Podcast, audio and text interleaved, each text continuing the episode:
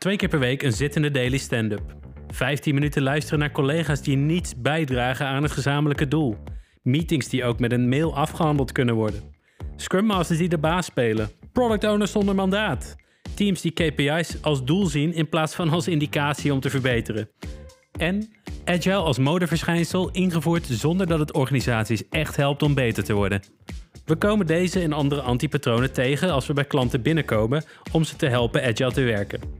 Eerlijk is eerlijk, agile is makkelijk in theorie, maar echt agile worden is een reis die veel tijd kost. In deze podcast praten we met mensen die ook een reis hebben gemaakt. Waar liepen zij tegenaan? Wat hebben zij geleerd? En hoe hebben ze dit opgelost? We geven je bagage om jouw agile reis makkelijker te maken. Welkom bij de Strict Agility Podcast. Mijn naam is Giel. En mijn naam is Rob. We beginnen met het voorstellen van onze gast van vandaag. Dat is Steven Dijkerman. Ook wel een mega awesome Scrum Master.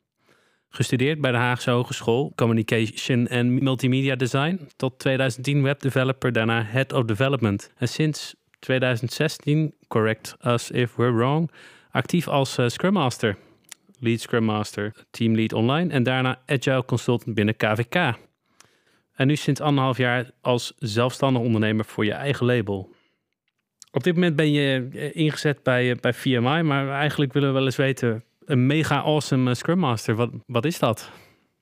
Ja, dat is een goede vraag. Daar had ik misschien nog goed over na moeten denken. Maar ja, als je het gaat benoemen, dan is het dan niet meer mega awesome natuurlijk. Dus, um, nou ja, kijk, uh, ik geloof wel dat je, dat je altijd alles... Je moet jezelf niet te serieus nemen. We zitten in een wereld waar mensen terminaal serieus zijn en daar hou ik niet zo van.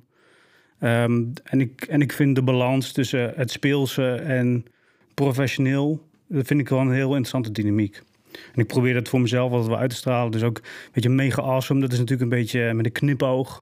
Ik heb zelf moeite met, met het woordje master in Scrum Master. Um, want als je aan iemand vertelt die niet ervaring heeft met Scrum, met IT... en je zegt dat je een Scrum Master bent... dan denken ze ook direct van, nou, Jij, jij, loopt ook iets te veel naast je schoenen. Dus ik probeer altijd wel een beetje die dynamiek uh, te vinden tussen uh, het speels en toch professioneel te zijn. Ja, leuk. Leuk. Mooi antwoord, Steven. En trouwens, leuk dat je er bent. Dat is even geleden dat we elkaar spraken.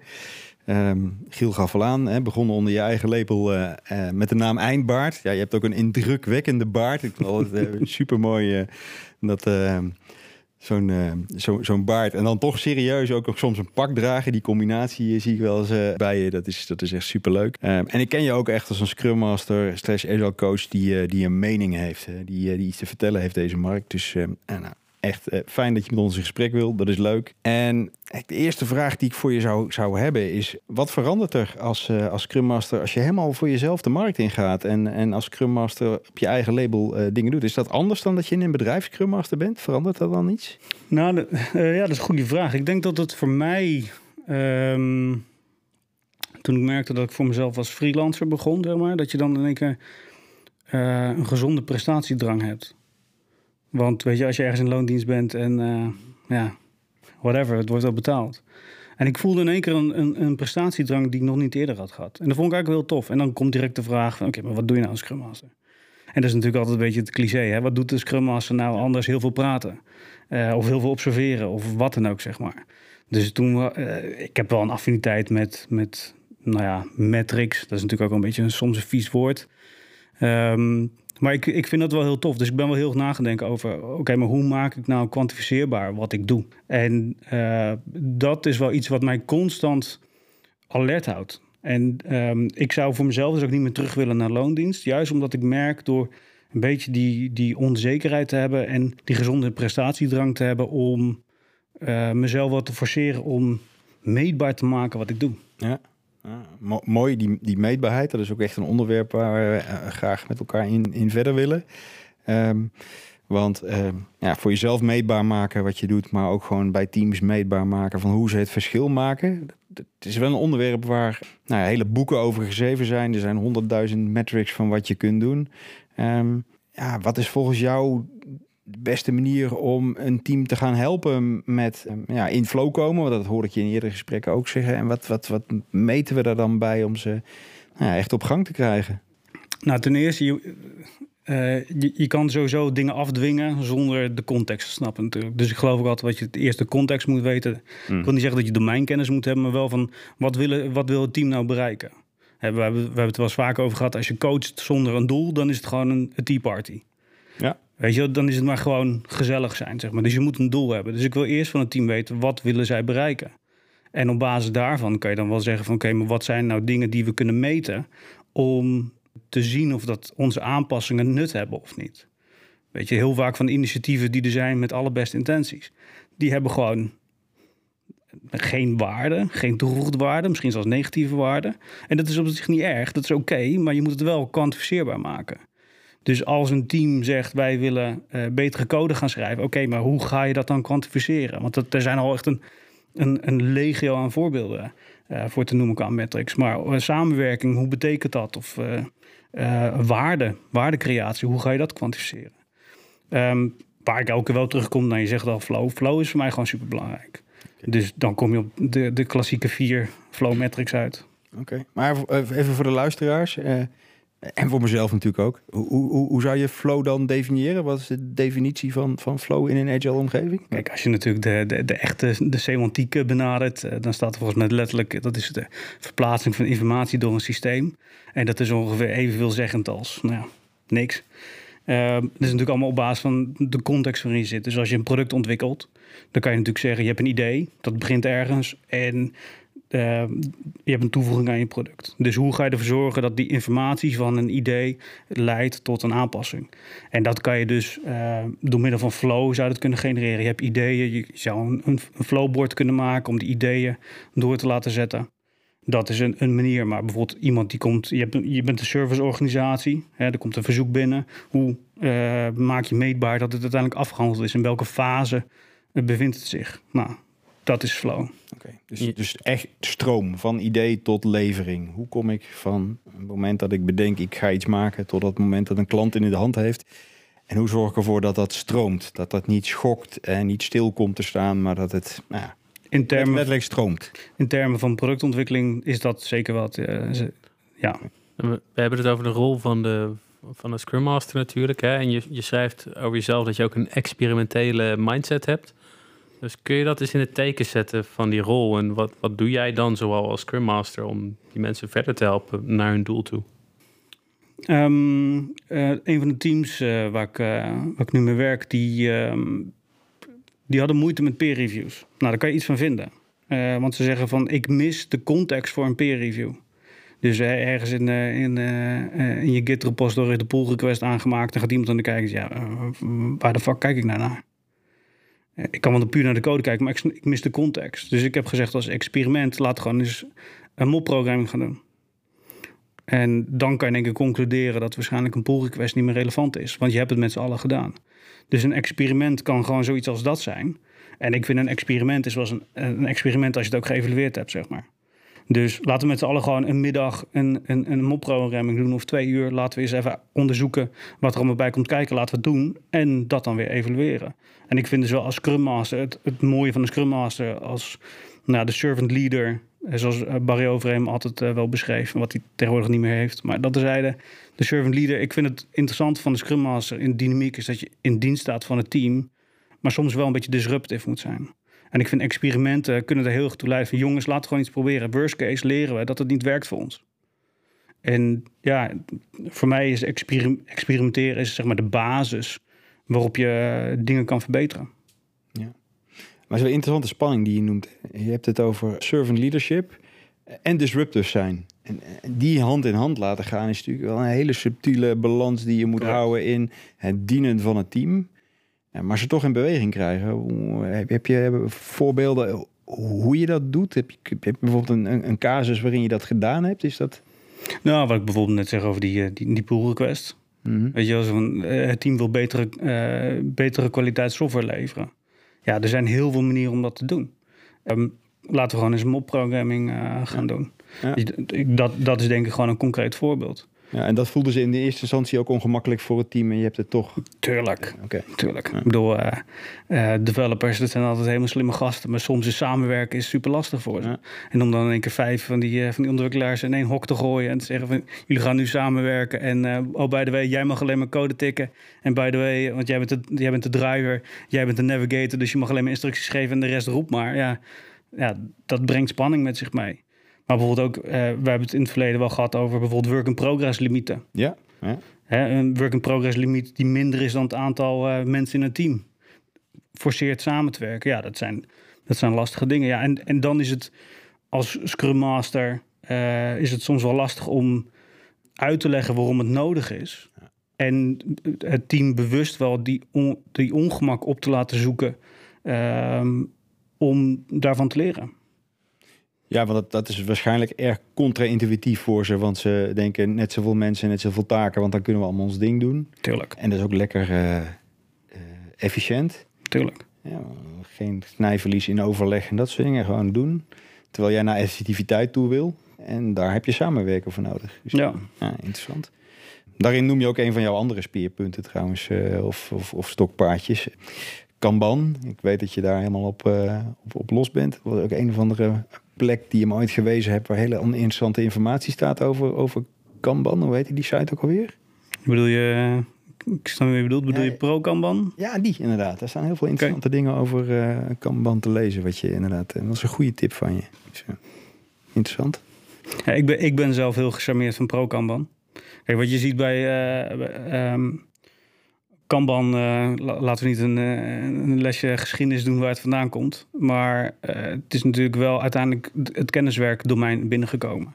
En wat ze toen gedaan hebben, David Anderson heeft toen zeg maar, de Kanban method heeft hij ontwikkeld. En dat is best wel ge- gebaseerd op eh nou, ITIL-achtige constructen.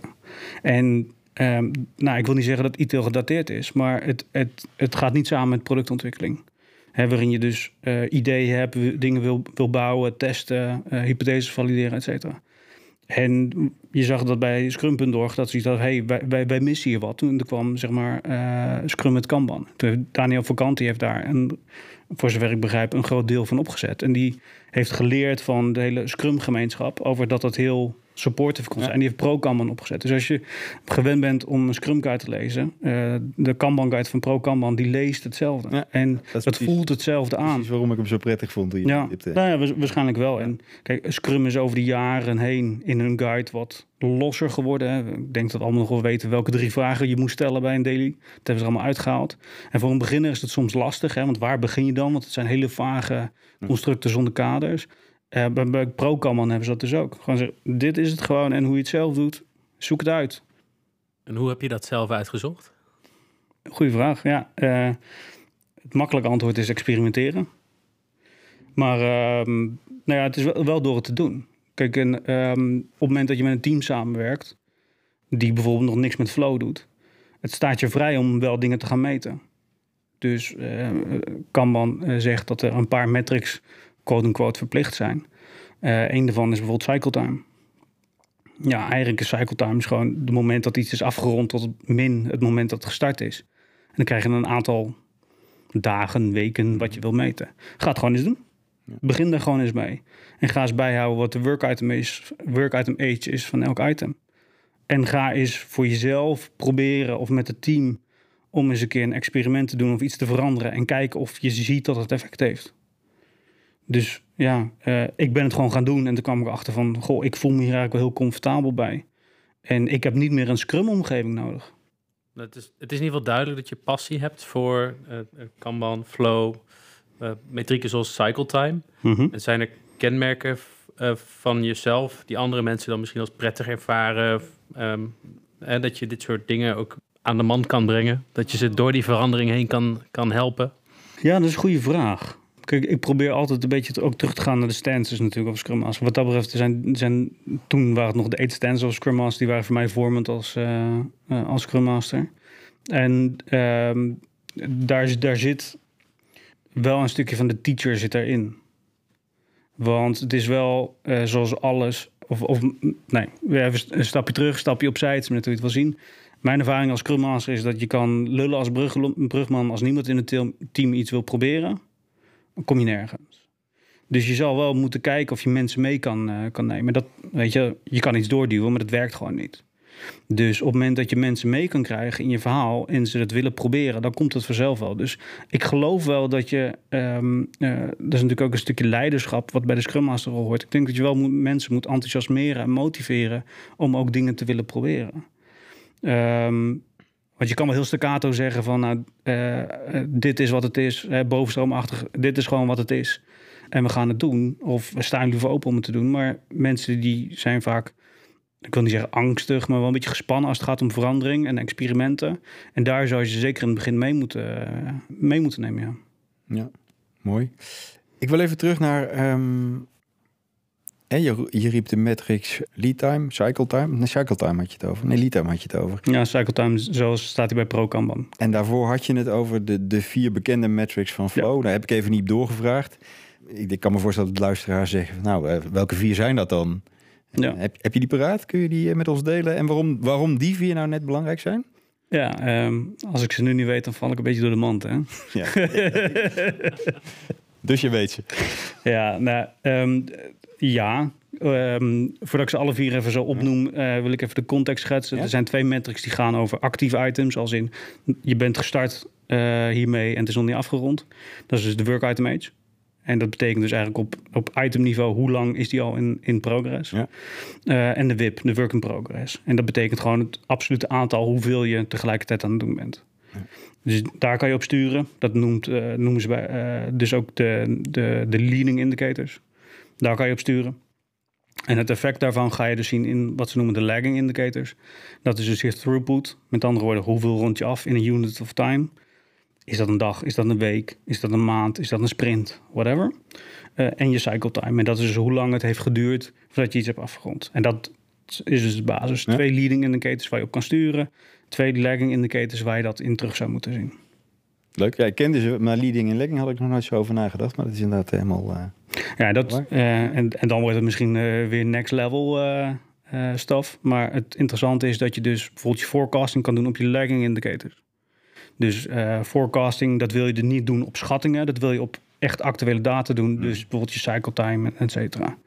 En, wat, en, en dan kan je een soort van domino-effect krijgen. Als jij wilt dat je cycle time verkort wordt, moet je dus uh, gaan sturen op je work item age. Ja. Uh, zodoende leading en lagging indicators. Ja, en je, je gebruikte daar ook het woord bij design verplicht. Anders dan doe je niet aan, uh, aan Kanban. Dus die vier moet je echt doen, wil je kunnen zeggen, ik werk Kanban. Ja. Anders is het uh, Kanban in name only, wat je vroeger Prince in name only had als Pino-project, heb je Kanban in name only ook als, als ding. Deze ja. vier moet je echt doen. Dat is ook het advies wat we dan dus aan mensen geven die met Kanban aan de slag gaan. Richt je goed in en ga ermee in de slag.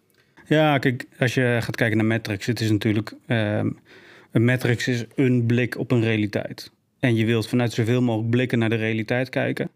Uh, op het moment dat je alleen maar bij gaat houden wat je WIP is, ja, weet je, dat maakt dan ook niet zoveel uit. Maar dan wil je dus wel kunnen zien dat je dingen ook afrondt. Dus eh, toen ik voor het eerst uh, metrics ging bijhouden en ik zag dat het team constant een wip van 4 had, ging ik heel erg zweten. Oké, maar wat, wat? Er gebeurt niks. Terwijl ik zag dat een throughput gewoon 1, 2 per dag was. Met andere woorden, je ziet dan gewoon dat die WIP die blijft constant. En dat geeft je gewoon één blik op de realiteit. En als je ziet dat er wel wordt af, uh, afgerond, dan is het oké. En als je in één keer ziet, je gaat de work item age ga je erbij halen. Dan zie je in één keer van, oh wacht, we hebben standaard uh, allemaal dingen van drie staan. Maar er staat er eentje van 28. Oké, maar wat is hier in de hand? Uh, daar kan je dan gesprekken over voeren. Dus ik merk gewoon dat als je één van die vier metrics, van die flow metrics, zeg maar, uh, negeert of niet bijhoudt, dat je echt gewoon een essentieel, essentiële blik op de realiteit mist. Ja, mooi. Het eh, geeft me inzichten, Steve. Dankjewel. Ja, natuurlijk. Je hebt ook iets uh, verteld dat je aan het verkennen was hoe je uh, Monte Carlo simulaties kan inzetten met agile teams. Ja. Kun je daar wat over vertellen? Oh ja, joh. Heb je nog even een uur? Misschien heel kort voor de luisteraar. Wat, wat is een Monte Carlo simulatie? Um, een Monte Carlo simulatie. Ik ken de hele feitelijke historie van de Monte Carlo simulatie niet. Um, het werd heel veel in projectmanagement werd het vroeger gebruikt. En wat eigenlijk een Monte Carlo simulatie zegt is... als jij een bepaalde uitkomst wil hebben... Um, zijn er uh, als je een bepaald doel wilt behalen, zijn er meerdere, meerdere uitkomsten mogelijk. Dus als je dus een simulatie gaat doen in kader van forecasting, waar je dus die flow metrics voor nodig hebt, zou dus bijvoorbeeld kunnen zijn van oké, wij hebben deze workload, wanneer denken wij dat we klaar zijn? Nou, en als je dan een simulatie gaat draaien, dan laten we zeggen dat je 10.000 simulaties doet, uh, dan ga je verschillende uitkomsten krijgen. Dus dan kan je met zoveel procent zekerheid zeggen, of zoveel procent van de simulaties zeggen dat je dan klaar bent. En zoveel procent zeggen dat je dan klaar bent. Dus bijvoorbeeld 30% van de simulaties zeggen dat je daar 10 weken voor nodig hebt. En 50% van de simulaties zeggen dat je daar 13 weken voor nodig hebt. En nou, daarvoor heb je dus uh, gegevens nodig. Uh, als in hoeveel werk is het, maar bijvoorbeeld ook hoeveel werk kan jij in een unit of time afronden. Dus een dag of een week of wat dan ook. En doordat je dan uh, zie je het gewoon als dobbelsteen die constant aan het rollen zijn. Als je zo je simulaties gaat draaien, dan ga je dus meerdere uh, mogelijkheden creëren. En kan je daar het gesprek over voeren. Dus wat ik met, mijn teams doe, is dat als wij als ons gevraagd wordt wanneer denken jullie dat het klaar is, zeg ik nou 70% uh, zekerheid kan ik zeggen dat het dan klaar is. Ja, sorry, daar kan ik niks mee zeggen. Dan. Ja, nee, snap ik. Maar zo'n vraag die aan ons stelt, daar kan ik weer niks mee. Dus doordat je meerdere scenario's neerlegt, kan je daar het gesprek over voeren. En omdat je dat dus op elk moment van de dag kan draaien, kan je dus bijvoorbeeld in een scrum team bij elke sprint review kan je zeggen: hey, dit is hoe ver we staan. Dit is nog de workload die we hebben staan voor deze feature, epic, project, geef de naam. Dit is onze dataset die we gebruikt hebben van historische data. Dit zijn de uitkomsten. Um, is het na de beoogde deadline? Prima, dan moet het over scope gaan hebben. En als jij wil, uh, stakeholders, jij wil uitgaan op de 30% zekerheid, omdat je dan je deadline haalt, prima, dat is jouw verantwoordelijkheid. Ja, dat is wel een mooie spanning die jij op. Dus natuurlijk de spanning tussen dat we in management graag denken dat we de wereld precies in de hand hebben en exact kunnen plannen ten opzichte van de agile wereld waarin we accepteren dat er onzekerheden zijn. En ja. je maakt je onzekerheden heel erg gezichtelijk in, in kansberekening. Ja, eigenlijk wel, ja. De beste manier om iets van zekerheid te kunnen leveren aan je stakeholders. Ja. En wat ik wel heel mooi vind, is dat je uh, dan ook echt zo eerlijk bent dat je zegt: het is het beste wat ik kan. En het is hun verantwoordelijkheid om met die inschatting die ik geef in de verdere organisatie duidelijkheid te geven over wat ze waar kunnen maken. En ja. die verantwoordelijkheid moeten ze voor zichzelf nemen. Wat je natuurlijk heel veel ziet, is dat in uh, organisaties die verantwoordelijkheid echt naar de IT of naar de ontwikkelorganisatie geduwd wordt, terwijl ze die verantwoordelijkheid helemaal niet kunnen invullen. Dat is een interessante. Nee, klopt. En kijk, als je dan gaat hebben naar uh, bijvoorbeeld het Scrum Framework, hè, die zeggen mm. wij, uh, wij zijn gebaseerd op, uh, op empirisme. Nou, dat is natuurlijk transparantie, inspectie, adaptatie. En ik geloof dus ook altijd als je zo'n simulatie draait, moet je gewoon heel transparant zijn over dit is de dataset die we gebruikt hebben voor de workload. Dit is de dataset die we gebruikt hebben voor de historische data. Dit zijn de uitkomsten. En ben je het niet mee eens, dan gaan we daar het gesprek met je over aan. Maar dit is wel gewoon wat het is. En betekent dat dat wij de deadline niet gaan halen, quote unquote? Ja, oké, prima. Wat gaan we hiermee doen? En ik vind het geeft je zoveel transparantie zonder dat je jezelf in een hoek zet. En wat je dus ook hebt als je dan gaat hebben over uh, de benchmarks, 30, 50, 70, 85, 95 zijn een beetje de, de, de factor standaard. Voorbij de 95 weet je het gewoon niet meer. Dat zijn je outliers. Dus als iemand vraagt wanneer is het 100% klaar, ja, dat weet je gewoon niet. 95% zekerheid kunnen zeggen dat het dan klaar is. Ja. Het is wat het is. Kijk, en ik ben wel fan van dat soort, uh, dat soort statistieken. Maar dat kan je natuurlijk ook als je eenmaal flow metrics gaat bijhouden, kan je dat ook doen. Hè? Dus 30% van de items hebben wij in één dag of minder afgerond. 50% van de items hebben we in twee dagen of minder afgerond, et cetera. En dan kan je dus ook zeggen van wij sturen op de 85%. Dus wij willen eigenlijk, stel 85% is in vijf dagen of minder, noem maar eens wat. Als je daar buiten valt, hey, daar heb je een retro voor. Ja, 95%, dat klinkt al alsof er bijna nooit wat misgaat. Maar toch, de realiteit vertelt ons dat we wel eens een lering mogen trekken. Um, dan heb ik toch nog één laatste vraag, uh, Steve. We hebben het uh, gehad over metrics, super interessant. je hebt me ook wel weer geïnspireerd door nou, even goed uit te leggen in de diepte in te gaan. Als we het hebben over eigenaarschap van, van, van metrics. Eh, wat ik bij veel klanten zie is dat de Scrum Master daar erg achteraan jaagt en het organiseert. Hoe ben jij daarmee begonnen en hoe, waar, waar, waar hoort het belegd te worden uiteindelijk? Um, ik geloof dat je als. Uh, um, ik probeer zelf de Scrum Master altijd wel een soort van hoeder te zien van het agile gedachtegoed. En we kunnen het hebben over autonomie versus vrijheid en weet je allemaal dat soort dingen. En die balans wanneer als je naar, eh, nogmaals, agile, agile werken, scrum werken, dat is natuurlijk empirisme, dat is transparantie, inspectie, adaptatie. Dat betekent data verzamelen. Dus ik geloof dat je als scrum master vaak wel degene moet zijn die zegt, oké, hoe kunnen we dit kwantificeren? Hoe kunnen we dit uh, meetbaar maken? En ik geloof dat je als uh, misschien ook wel de coach daarin uh, soms moet acteren. Af en toe die vraag moet stellen. Maar ik vind dat het niet per se de Scrum Master is die dan gaat zeggen: Kom, ik ga in Jira ga ik alles uitzoeken. Of een Azure DevOps of welke tool je dan ook gebruikt. Of ik ga elke dag wel die metrics op het bord bij. Nee, ik vind het ook weer te makkelijk om te zeggen: het, het moet bij de developers liggen. Dat vind ik ook wel weer te makkelijk. Want er zijn ook waarschijnlijk wel metrics die een product owner wil hebben. Of die bijvoorbeeld stakeholders wil, wil hebben. Dus ik geloof dat je als Scrum Master vaak wel dat gesprek misschien moet initiëren en moet leiden. Maar ik geloof als je binnen het Mhm. Scrum framework gaat kijken, is het hele Scrum team daarvoor verantwoordelijk. En ik vind ook dat je elkaar moet opzoeken. Want ik vind ook dat we willen allemaal wel weten wat zijn nou de metrics die, die een product owner wil weten.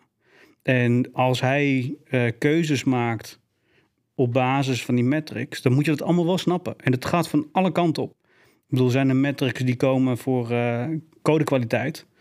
Ja, ondanks dat je misschien geen, eh, ge- geen code schrijft, moet je dat allemaal wel in ieder geval kunnen internaliseren. Dus ik vind hem te makkelijk om te zeggen, hij ligt bij een Scrum Master. Het is te makkelijk, hij ligt bij een developer of bij een product owner. Het is eigenlijk het hele Scrum team. En het gaat om, zeg maar, al die blikken op de realiteit die waarde hebben.